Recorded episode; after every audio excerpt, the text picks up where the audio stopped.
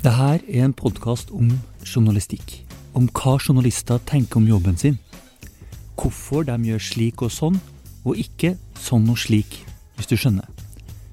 Journalister har sine metoder, sine veier fram til fakta og fortellinger som andre ikke kjenner til. Jeg heter Øystein Lie og har vært frilansjournalist og fotograf i en del år, og intervjuer her noen av de beste folkene om hvordan de arbeider. Er du nysgjerrig på hvordan de jobber, er kanskje dette podkasten for deg. Først ut er Kari Hesthamar.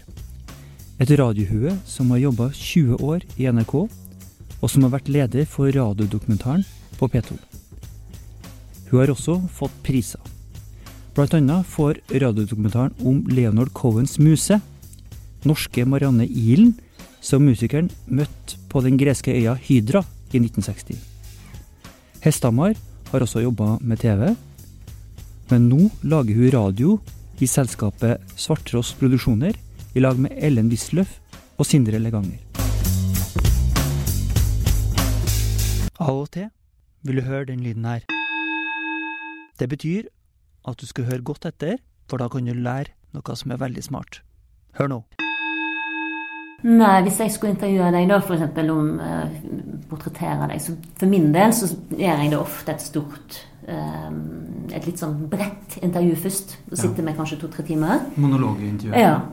Uh, og så hjelper det for meg. Det er jo ikke sikkert at jeg nødvendigvis bruker det, men ofte så har jeg nytte av å gå hele veien fra barndommen. Og, så da lurer jeg kanskje på hvor du vokste opp, hva familie vokste du opp i, hva husker du best fra barndommen, hva type var du? Og med en gang så kan du få sånne bilder. da Eh, hvem var du i klasserommet, f.eks.? Og kan en òg ganske fort få et bilde av eh, Nei, satt alltid fremst eller bakerst, eller tok du, Jeg f.eks. tok alltid sosialt ansvar i timene. Hvis ingen sa noe, så retta jeg alltid opp hånda. Og det gjør jeg fortsatt. Sånn. Så det er et karaktertrekk hos meg. Så jeg leter etter konkrete bilder da, som kan si noe om noe større. Jeg leter etter konkrete bilder da som kan si noe om noe større. For det er det er på en måte, det er akkurat som det gir en sånn dobbel uttelling. da. Men driver jo veldig mye med mm, abstrakt språk. Det er trygt. Mm. Og særlig liksom, akademikere og godt utdanna folk driver med det. En snakker i generelle, liksom, mm. abstrakte ordelag. Da. Det er trygt. Det er urisikabelt for oss. Og vi virker smarte og oppegående. Mens det konkrete språket ofte kanskje er mer forbundet med barn, og med, mens det egentlig er veldig effektivt. Kan du gi noen eksempel her? Vi har jo et veldig godt arbeidsklima her på Universitetet i Oslo, f.eks. Kunne vært en sånn setning. Hva er det for noe, liksom? Hva, Hva betyr det i praksis? Er det at de har eh, vinlotteri på fredag? Altså, hva er det arbeidsklimaet for noe? Men hvordan får du om den du snakker med, til å snakke i, i bilder? Nei, du kan si en sånn ting som kan gi meg et konkret Hva, hva mener du med arbeidsklima? Hva, kan du si noe konkret om det? Gi et eh, eksempel på noe de gjør på din arbeidsplass eh, som gir uh, godt miljø. Det kan være litt vanskelig å svare på da, mm. hvis man ikke er vant til det. Ja, absolutt. Det kan det være. Men samtidig så Alt er jo konkret. Hvis du ser på livet ditt fra du står opp om morgenen til du legger deg, så er det handlinger i stor grad valg du gjør, veier du går, eh, ting du gjør. Så livet er jo ikke noe særlig abstrakt. Du kan jo selvfølgelig sitte på flytoget inn fra Gardermoen og filosofere ved stjernehimmelen og filosofiske spørsmål og sånt. Men veldig mye er jo praktisk og konkret.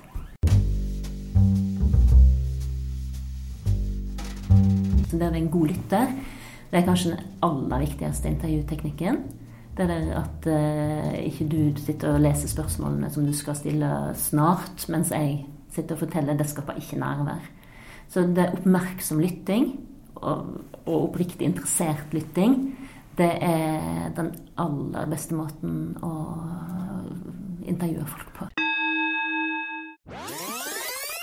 Så det er oppmerksom lytting og, oppriktig interessert lytting det er den aller beste måten å intervjue folk på. Hvordan får du til det praktisk? Når jeg tenker på hvordan sitter dere Eh, hvordan legger du stemmeleie?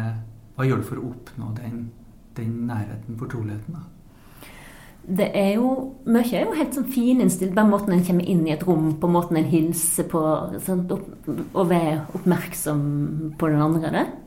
Som er litt sånn psykologi, på en måte, uten at en mener noe utspekulert med det. Men bare å være høflig og imøtekommende den biten der. Og så har jeg orden på det tekniske stort sett før jeg kommer, for det er en stressfaktor for meg hvis jeg ikke finner ut av uh, ledninger og sånt.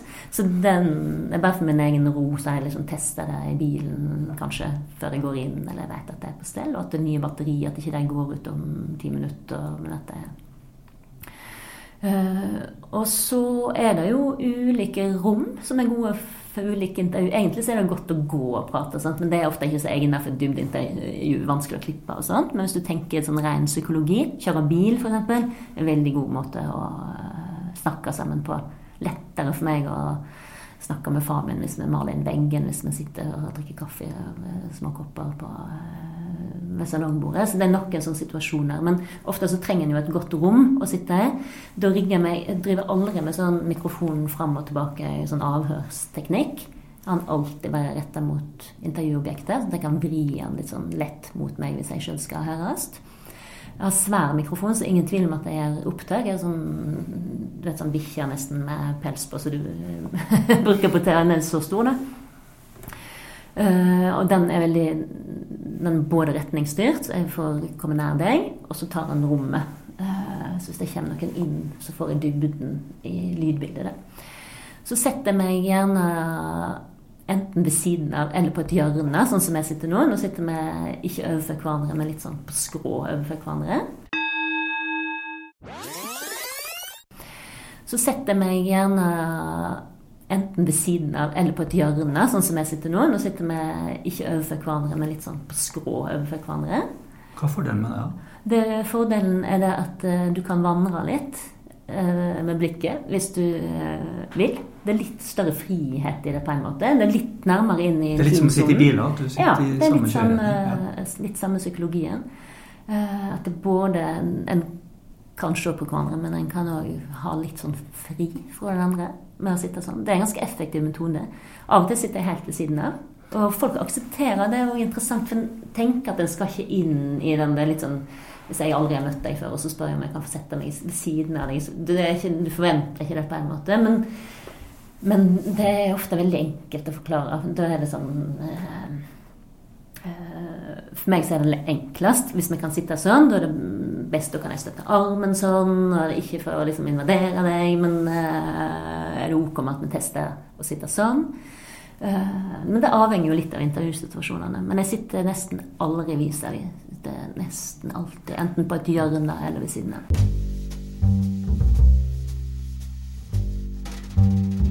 Men så er det jo, betyr jo mikrofonavstanden òg noe. For hvis den vanlige, som nyheter og de fleste bruker, er jo en armlengdes avstand. At du liksom når Du står på en armlengdes avstand og retter ut mikrofonen. Eh, Men på dybdeintervjuet til en dokumentar så er nesten alltid mye tettere. Det er kanskje 5-10 cm ifra munnen. Men på dybdeintervjuet til en dokumentar så er nesten alltid mye tettere. Det er kanskje 5-10 cm ifra munnen. Og det som skjer, det er at du får eh, nær, mye mer nærlyd. Stemmen har veldig masse informasjon i seg. Så da kan du høre om folk blir berørt, om de er nervøse, glad all Røyken var på fest i går. eh, Altså, det er veldig masse info i stemmen som da kommer fram. Og så er den der mindre liksom, påtrengende. Hvis jeg da sitter litt ved siden av deg, så har du på en måte ikke mikrofonen liksom rett oppi fleisen. Da har du den liksom litt på skrått. Så blir mindre midt i fjeset på deg, da.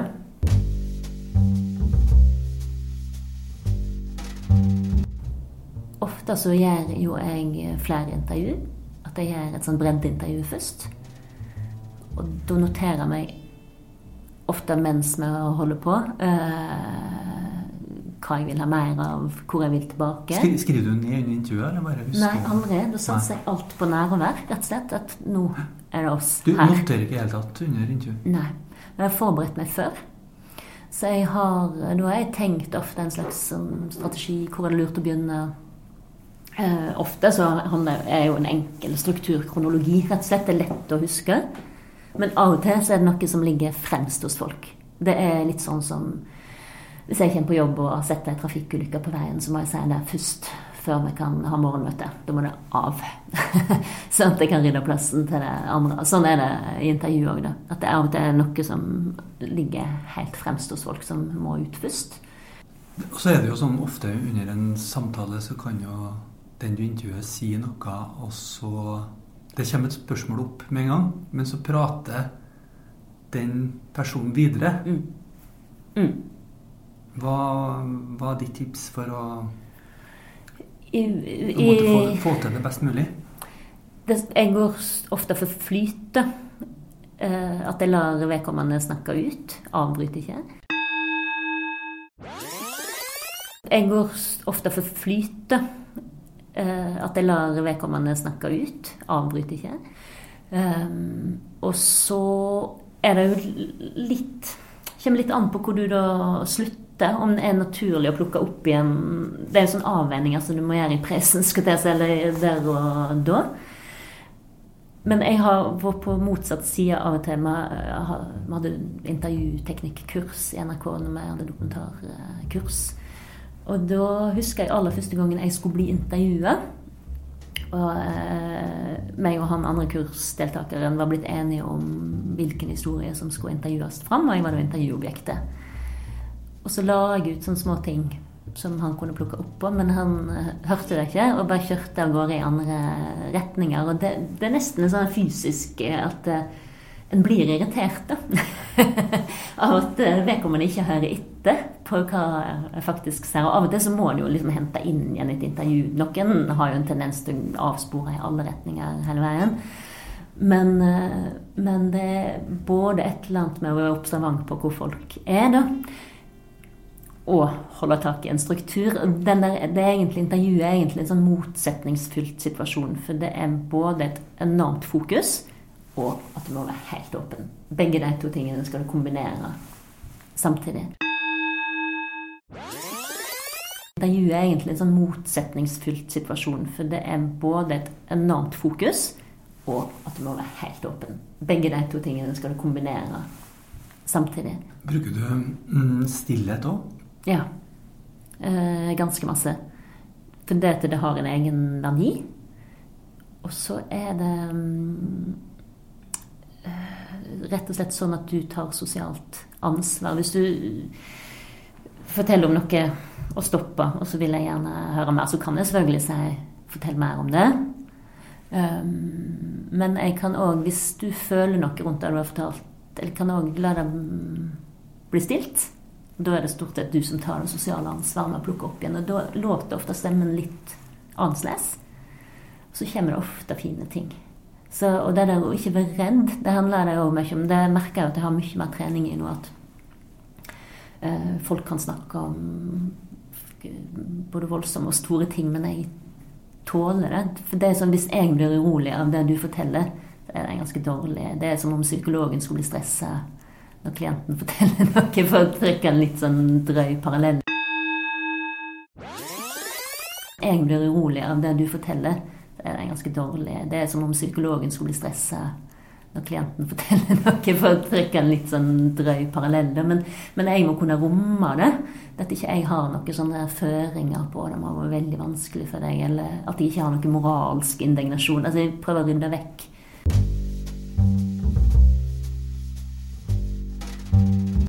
Og så er det selvfølgelig fokus. Sant? Denne, eh, jeg lagde en dokumentar nå til en serie som heter Usagt.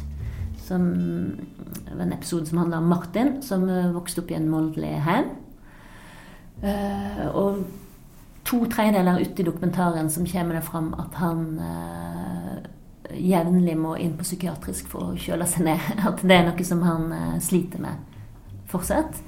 Jeg kunne gjort et helt annet fokus i den dokumentaren. Jeg kunne liksom sagt kulturtopp må inn på psykiatrisk en gang i året. Men, men det er ikke mitt fokus i den. Det, det, er enormt masse en kan gjøre med en fortelling. Hvilken historie er det du vil fortelle?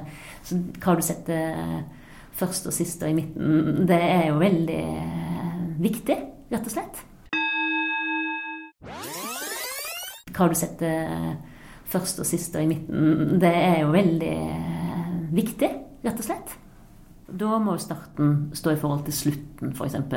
Hvis du spenner opp et eller annet spørsmål, eller eh, har han drept henne, eller er han uskyldig eh, dømt, så bør jeg jo helst få et svar på det på slutten. Brunepakken er jo et uh, godt eksempel. Mm. Det var ei som Cecilie som fikk en brun pakke av sin pappa med påskriften 'Skal ikke åpnes før tidligst to år etter din mors død'. Og hva gjør du da? det er et godt anslag, sant? Eh, den historien kom til meg. Og da hadde faren vært død i ti år. Og mora hadde vært død i to år, hvis jeg nå ikke husker feil. Og det var iallfall kommet dit hen at hun kunne åpne pakken. Hun hadde bevart den i et bankhvelv. Uh, så det er jo et godt anslag. Men den er jo og et dilemma. Skal jeg åpne den pakken mens min mor lever? Kan jo være at det er noe i den som jeg bør snakke med henne om. Eller skal jeg ikke åpne? Skal jeg, liksom, skal jeg følge min fars uh, påskrift her, eller ikke? Så det er jo et dilemma. Dilemma er alltid veldig bra. Å skru en fortelling rundt. Det er handler, den handlingen vi faller ned på, den forteller ofte noe om oss. Dilemma er alltid veldig bra. Å skru en fortelling rundt. Det er handler, den handlingen vi faller ned på, den forteller ofte noe om oss. Identifikasjon er en veldig viktig faktor i historiefortelling. Ganske fort må jeg kunne identifisere meg gjerne med en hovedperson, som er Cecilie, som får pakken i dette tilfellet. For hvis ikke en får til noe tilknytning, så er det jo litt uinteressant å følge et menneske gjennom en eller flere episoder fram mot noe. Så det, ganske, det må en ganske kjapt bli kjent med en hovedperson man ganske kjapt bli kjent med en hovedperson. Den enkleste måten å fortelle på er å skaffe seg en hovedperson. Eh, med noen trekk og noen redsler og noen bekymringer, noe håp og vilje og alt det der. Og så eh, har jo Cecilie fått den pakken av sin far. Eh, og han skal ikke åpnes før to år etter at mor er død. Så da har du to andre du skal få til å holde deg til òg. Så da må jeg eh, etablere og bygge opp forholdet mellom Cecilie og far og Cecilie og mor. Så må jeg finne ut hva ekteskap hadde de, hvem var de. Cecilie var veldig knytta til far sin. Eh, litt mer anstrengt forhold til sin mor. Men fins det noe i den pakken som kan endre synet mitt på far helt, eller på mor helt? Så, så, så, da må jeg etablere forholdet mellom Cecilie og hennes foreldre, så må jeg bli kjent med dem. Eh, og så må jeg prøve å nøste hva kan det være i den pakken. Hva er mulighetene, liksom? For så kommer det fram at de ble skilt. Og hva var det som skjedde i den skilsmissesituasjonen? Altså, sånn, må, for det der, Hva er det i pakken, og skal jeg åpne den eller ikke? Det kan du drive med i kanskje fem minutter maks. Liksom. Det er jo den mm, pakken, det, i et eh, bankhvelv i Drøbak. Gikk med han bortover eh, langs sjøen der, der alle disse vakre, hvite trehusene ligger.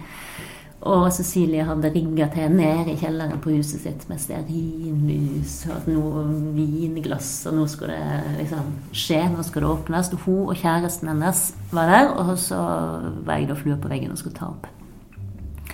Og så bare kjente jeg ble kvalmere og kvalmere, og jeg var to måneder gravid. Og hadde da stått i samme stilling eh, i en evighet og bare kjente blodet rant fra hodet og ned i beina. Så tenkte jeg nå enten så må jeg spy. Så tenkte jeg at det kan jeg ikke. Nå har det gått ti år. Og nå skal den pakken åpnes. Nå kan ikke jeg kaste opp på opptak. Og så det neste jeg husker, er at jeg ligger med hodet ute og beina inne i den kjellerboden her. Og at kjæresten til Cecilie står og klapper meg på eh, ansiktet, og Cecilie som roper bak 'Hun er død!' Hun døde nå! Uh, så da um, Men da på det tidspunktet i dokumentaren, når den pakken skal åpnes, da begynner vi å ane noe om hva som kanskje er innholdet i pakken.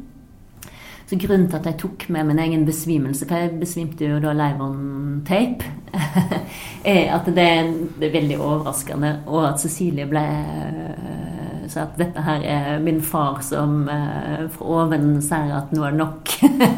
nå må ikke det rote mer i dette her. Så det, uh, det, det, er en vending som er vanskelig å forutse. Da. Og det er alltid kjekt i historien når det skjer noe som du ikke har forutsett. Og det er alltid kjekt i historien når det skjer noe som du ikke har forutsatt. Det er veldig dårlig deal ofte hvis du skal gå inn og ut av opptakssituasjonen. Hvis du sier ja, men skru av litt nå, og så ser du alle de fine tingene, og så skrur vi på igjen, og så ser du ja, Som jeg sa til deg i stad, så, så du har masse sånn pes med rollen din, og du Jeg er ikke der som privatperson, jeg er der som journalist. Jeg er ikke der som privatperson, jeg er der som journalist. Så det jeg stort sett gjør, er at jeg har en avtale på forhånd med at båndet går. Eh, jeg tar opp alt. Men hvis det er noe du virkelig ikke ønsker jeg skal bruke, så lover jeg at jeg ikke gjør det. Og det tenker jeg er liksom en helt rimelig avtale mm, når folk iallfall forteller personlige historier. Du er ikke den nødvendigvis med politikere som skal si noe om statsbudsjettet, men, men den kan en gjøre på sånne type historier som jeg befatter meg mye med. det. Det skaper trygghet. Uh, og det er ekstremt sjelden folk um, forlanger at noe skal vekk. Da kan du slappe av i intervjusituasjonen. Og så får folk alltid høre før det går.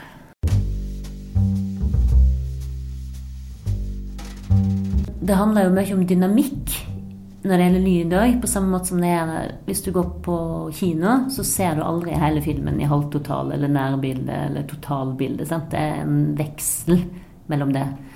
Og det gjelder ofte en god eh, radiodokumentar eller podkast òg. Eh, så det går jo ikke hele veien med mikrofonen to centimeter fra munnen din hvis jeg følger deg ute. Da er det av og til kanskje en skal ha et større utsnitt av lyden, eller at jeg er på den armlengdes eh, avstanden. For du, det som gjelder, er ikke din indre monolog, men samtalen du har med en annen person. Det er den jeg må fange. Uh, og da kan jeg jo ikke stå helt clean. Da må jeg jo på en måte stå på en måte som gjør at det er naturlig for dere å, å snakke. Og da er det ca. på en armlengdes avstand, kanskje. Eh, så, så, det varierer jo. Eller hvis det er jeg skal ta opp lyden av at du går fra sjøen opp til et hus, eller noe sånt, så sørger jeg kanskje for å ta både litt sånn nærlyder av vann, av skrittene dine, over steinene som skifter til å komme over i gresset, til eh, ren stillhet noen plasser. Kanskje bare høre pusten din, som gjør at jeg kan voice oppå til små, små kommentarer og sånn, har ofte veldig stor verdi i forhold til magi. Eh, det tok lang tid før jeg skjønte, for dette vil jo som journalist ofte rett på poengene. Eh, ja, der sa han akkurat det klippet vil jeg ha fra 1.13 til 2.30, så sier han disse tingene. Da kan hende en skal ha det, men magien den ligger ofte på små tjafs. Magien den ligger ofte på små tjafs, skal jeg si. Måke som skriker akkurat mens du uh, sukker eller tar deg en slurk av kaffekoppen. Og, sånt, og så kan en kombinere det bildet med en uh, voice eller en fortellertekst for meg. Så, så, på samme måte som at magien i, på TV og film ligger på det visuelle, så ligner han ofte uh, på lydbildene. sant? Først jeg å lese loggen og merke ut det jeg syns er fint. Gula ut, og så har jeg et stjernesystem for meg sjøl. Ei stjerne, fint. To stjerner, eh, ganske så fint. Tre, veldig fint. Eh, men jeg begynner på en redigeringsplan, da. For min del så starter den alltid med start. Jeg må liksom få grep om starten. Eh, og den vet jeg at skal peke på slutten. Og det som er det aller vanskeligste, syns jeg, og aller mest interessante, det er hva handler det egentlig om? At jeg tenker eh, flere linjer. Det fins en ytre handling ofte, og så finnes det en indre dramaturgi. Den indre den er alltid mest interessant, for det er det er rett og slett det der om du gjennomgår en endring, om det skjer noe med deg i løpet av en prosess. Den indre den er alltid mest interessant, for det er det er rett og slett det der om du gjennomgår en endring, om det skjer noe med deg i løpet av en prosess. Men det er jo alltid mest interessant. Hva som skjer med deg uh, i løpet av den opptaksperioden. Så det å finne ut hva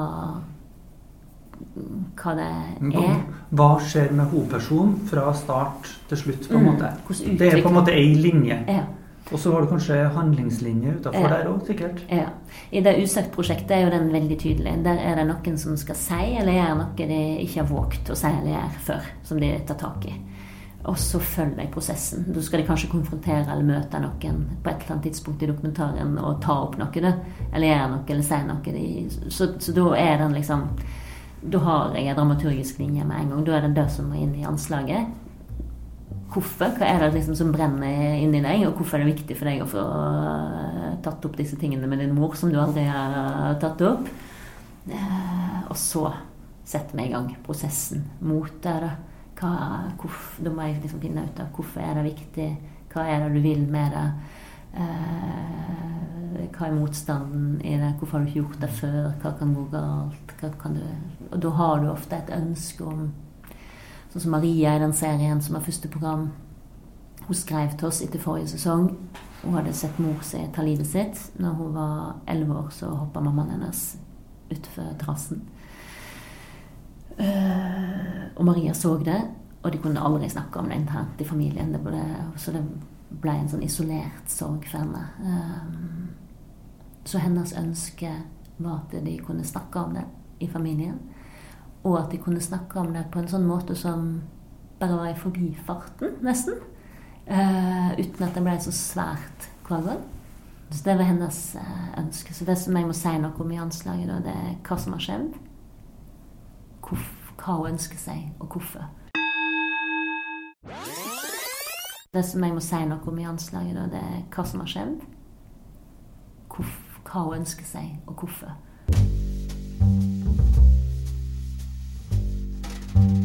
Eh, til sånne større serier så jobber jeg nesten alltid med komponert musikk. Sånn at jeg har et univers som jeg kan bruke,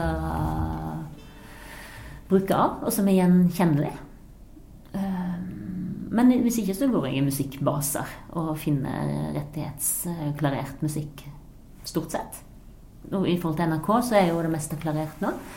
Men, eh, men en trenger ofte musikk da, som understreker stemninger, eller uh, Ja.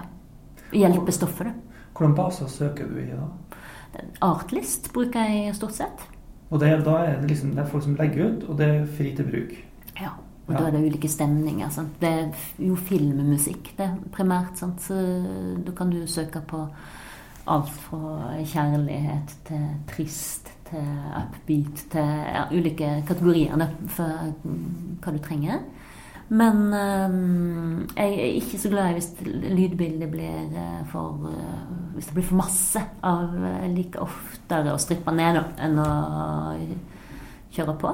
Det kan jo være veldig effektfullt, f.eks. Hvis du har brukt musikk, f.eks., og så fjerne det helt på et klimaks, at det blir stille, er en effekt.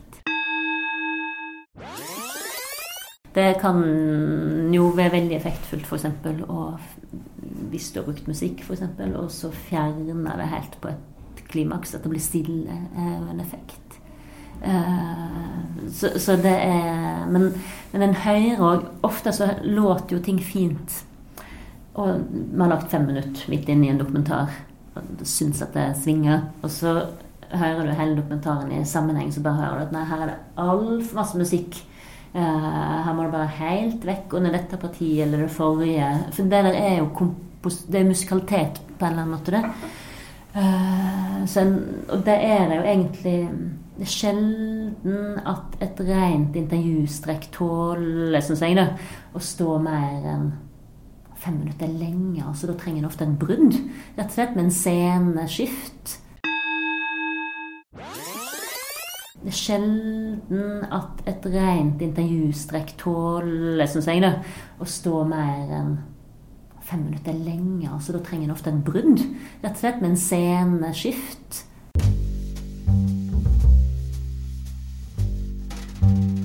Det er ofte fint å jobbe med rammer.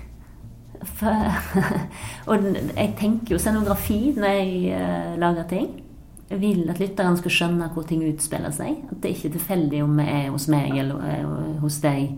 Uh, du trenger på en måte å guide lytteren litt hvis du skal ha scener, da. Ofte er det en blanding av intervju og situasjonsopptak. Sant? Eh, hvorfor er det du skal være med på akkurat den scenen? Hvorfor er den viktig inn mot hovedhistorien din? Hva er det den forteller noe om? Sant? Er det, ting er der av en grunn. Du velger det materialet du velger av en grunn.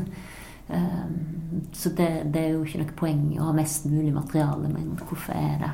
Eh, hvorfor skal jeg si at du har uh, lyst hår og blå øyne? Er det viktig, eller er det noe helt annet jeg skal si? Skal jeg beskrive måten du går på? Er den viktigere? Hva er det som er presist? I forhold til det som jeg vil si noe om, som ikke bare er sånn latskapsbeskrivelser. Hva er det som er presist?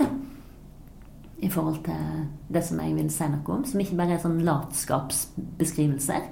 Men er, veier et flagg i vinden, eller er det noe helt annet? Eller er det sånn det der å ta en ekstra runde på, på bildene? Da? Ofte så må jo den fortelleren være bru fra noe du akkurat har hørt, over til noe du skal høre. Så må kanskje ta opp i seg noe som en, enten en refleksjon i forhold til noe som lå i forkant, eller en um, ja, binde skal, Ofte så har han jo funksjonen med å binde sant, sammen det du dra, har hørt. Dra gjennom historien, på en måte. Ja. Kom og bli med meg. Ja. Uh, men så er det jo ikke vits i å si akkurat det samme. En skal tilføre noe. Av og til er det noe praktisk info som må gis. Andre ganger skal en peke på noe. Det gjør jeg mer og mer, egentlig. Tillater meg mer det. Og peke på ting som ligger i materialet. For det, jeg har jo kverna på dette her lenge sant? og kan jo se stoffet mitt på en annen måte enn Gjør det tydeligere, er det du tenker på? Ja. Uh, si noe om hva jeg tenker en scene handler om. Sant? Du, må finne balansen i det der. Men i, særlig i den usagt-serien så, så gjør jeg det litt. Og det er jo særlig på slutten at det fins takeaway, skulle jeg si. Eller den moralen da, ligger ofte på slutten av en fortelling. Moralen da, ligger ofte på slutten av en fortelling. Hvis du går på kino, så er det slutten du tar med deg når du går ut. Sant? Det er den som er forløsningen. Den ene av de usagte historiene handler om avvisning. Det er en ikke-historie, egentlig. Det er en anerkjent psykiater som uh, sender en bok han har skrevet på engelsk, til Siri Hustvedt. Brooklyn, New York. Eh, med kontaktinfoen sin. Og så får han svar. Og så begynner de å skrive til hverandre. Og så utveksler de e-poster over et års tid. Så blir det helt stille. Han skriver, hun svarer ikke. Eller hun svarer først sjeldnere, og så slutter hun å svare, og så virker ikke mailadressen hennes. Og han psykiateren han er ekspert på avvisning, men nå føler han seg avvist av Siri Hustvedt. Det er jo på en måte er det jo Det er nesten ikke en historie, sant? Uh, men, men, samtidig så er det et veldig allment eh, fenomen. Så da setter vi i gang prosessen med å kontakte Siri Hustvedt og se om vi kan få til et møte mellom de to på, på slutten. Men da er det jo da er det jo dermed på en måte eh, Så går det en ytre fortelling på det. Eh, vil de møtes eller ikke, og hva skjer i det møtet på slutten? der men langs veien så er det jo avvisning som tema vi òg driver og lærer noe om. Som jeg kan ta med meg noe eh, av, da. Ut av den her eh, litt sånn tilfeldige historien, skulle jeg si. Men, men, men det er jo et, ja, et, veldig stort tema for mange av oss. Det er interessant, da. Og Tormod kan mye om det, men, men det klikker ikke nødvendigvis inn mot hans egne følelser når han sjøl står i den situasjonen og føler seg avvist. Sant? Men da ser han Da refererer jeg på slutten til en film som han har fortalt meg om tidligere, som ikke liksom folder seg ut på slutten der i det hele tatt. Men, men han har sett en film en gang som, der han har et sitat at uh, at hvis du blir avvist, da, så uh, gå dit kjærligheten er. Vi blir avvist. Alle blir avvist. Da, så det er sånne små ting da, som, som uh, kan gi deg noe ekstra da, på slutten. Det hører ikke til historien om Siri og Tormod, egentlig. Men hva er liksom Hva finnes det materiale her som, som en kan bruke til noe? Da? Som lytterne kan bruke til noe? Eller? Ja. Det syns jeg er interessant. Det er interessant å bore i tematikker.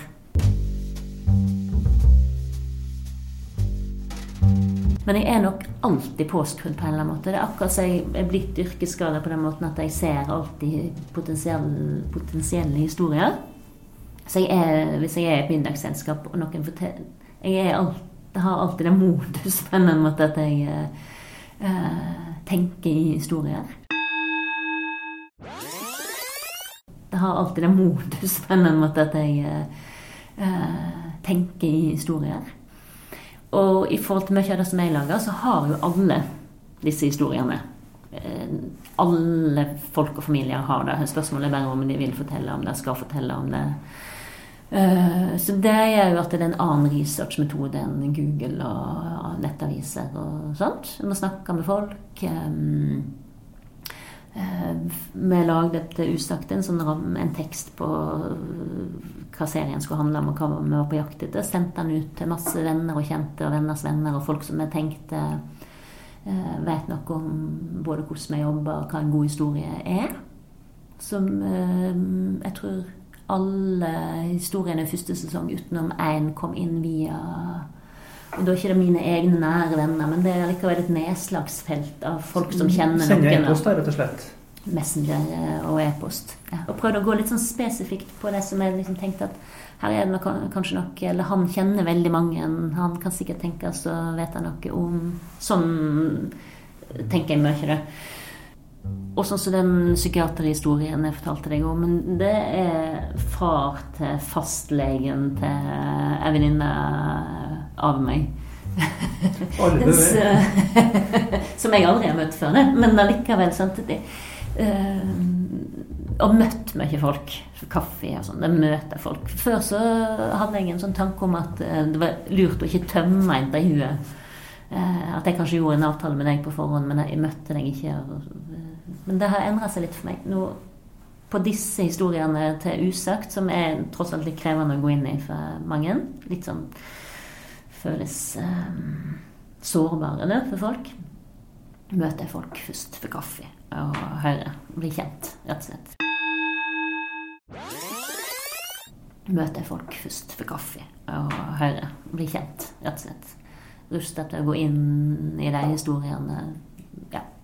Og jeg hadde aldri gått inn på et sånt løp sjøl som kilde hvis ikke jeg visste at du ville forvalte det bra. Så det ville vært viktig for meg å ha møtt deg hvis du skulle ha lagt en sånn type dokumentar om meg. Så det bare ut ifra den psykologien der. Men da Hvordan får du med på, Pave? Overtaler aldri folk, egentlig. For det er iallfall til akkurat den, den serien der, så må du ville det sjøl.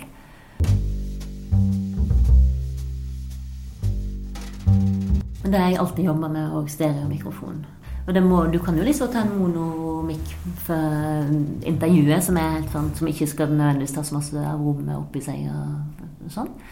Men eh, jeg har alltid jobba med opptaksutstyr som både er retningsstyrt, men òg tar rommet.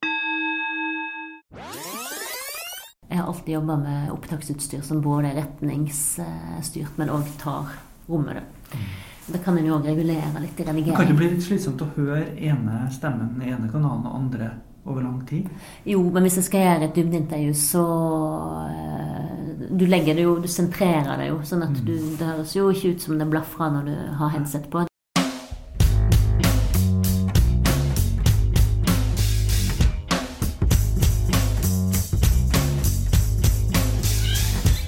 Du har hørt på Kari Hesthamar som har gitt råd til hvordan man kan lage god radio. I neste episode skal jeg snakke med Svein Tore Bergestuen. Han har greie på hvordan en bør intervjue folk. Så takk for følget, og håper at du blir med videre.